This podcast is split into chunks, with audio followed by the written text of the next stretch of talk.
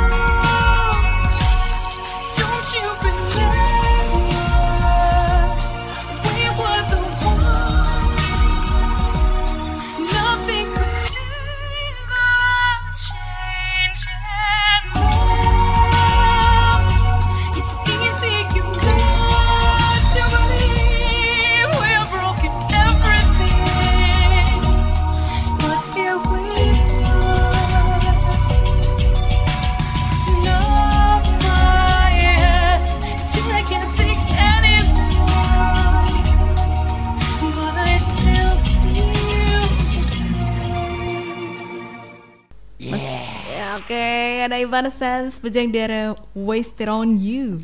Kenapa dia masih kekeh pakai Evanescence ya?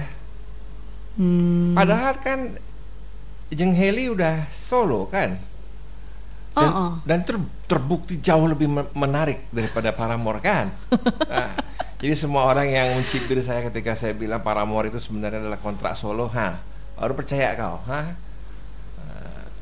Mungkin Ka- Emily ada perasaan gak enakan sama teman-teman yang lain.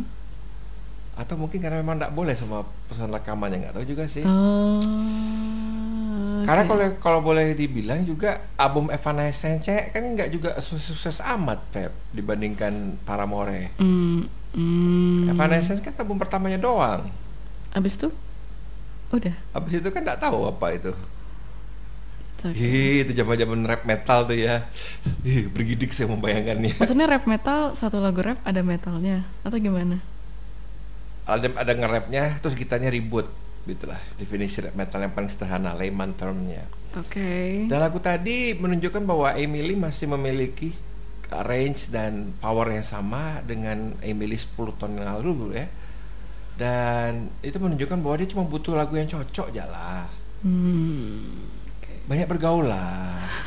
kayak Hailey, kayak Laura Marling kan, Ah, tuh iya. sana sini dengan berbagai ras, berbagai suku, berbagai genre. Jangan sama Pak sekelompok Kaukasian umur 40-an dengan tato-tato yang salah di kiri kanan badannya itu sudahlah carilah yang lain mungkin ya